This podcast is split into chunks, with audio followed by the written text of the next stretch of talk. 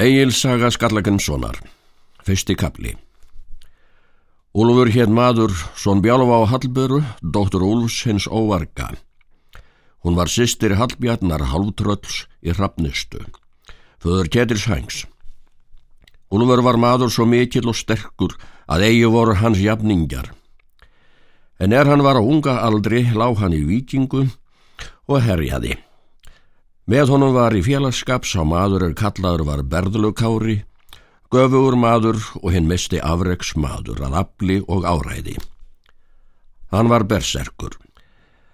Þeir Úlfur áttu einn sjóð báðir og var með þeim hinn kærasta vináta. En er þeir réðust úr hernaði fór Kári til búsins í Berlu.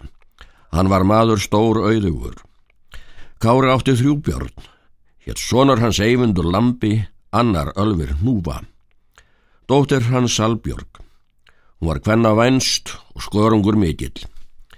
Hennar fekk Úlfur. Fór hann þá og til búa sinna. Úlfur var maður auðigur, bæðað löndum og lausum öðrum. Hann tók landsmannsrétt, svo sem haft höfðu langfeðgar hans og gerðist maður ríkur.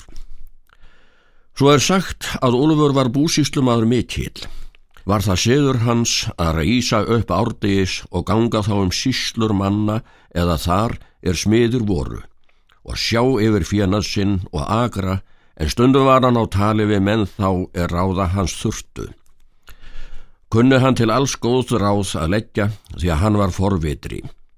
En dag hvern er að kveldin leið þá gerðist hann styggur svo að fáur menn máttu orðum við hann koma. Var hann kveldsvæfur. Það var málmann að hann væri mjög hamramur. Hann var kallaður Kveldúlfur. Þau Kveldúlfur átti tvo sonu. Héttin eldri Þórólfur en hinn yngri Grímur. Er þeir óksu upp þá voru þeir báðir menn miklir og sterkir svo sem fadir þeirra var. Var Þórólfur manna vænstur og gerfilegastur. Hann var líkur móðurfrændum sínum. Gleðimaður mikill, ör og ákafamaður mikill í öllu og henn mesti kappsmaður. Var hann vinsell af öllum mönnum. Grímur var svartur maður og ljótur, líkur föður sínum, bæði yfirlits og að skaplindi. Gerðist hann umsýslum maður mikill. Hann var hagur maður á tré og járn og gerðist hinn mesti smiður.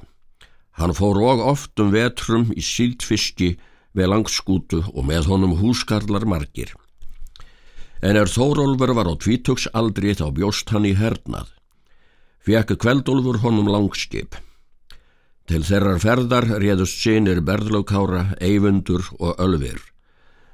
Þeir höfðu lið mikill og annað langskip og fórum sömarið í viking og öfluðu sér fjár og höfðu hlutskipti mikill. Það var nokkur sömur er þeir lágu í viking en voru heima um vetrum með feðrum sínum hafði Þórólfur heim margt dyrgripi og færði föður sínum og móður og var þá bæði gott til fjár og mannverðingar. Kveldúlfur var þá mjög á evra aldri en sínir hans voru rosknir.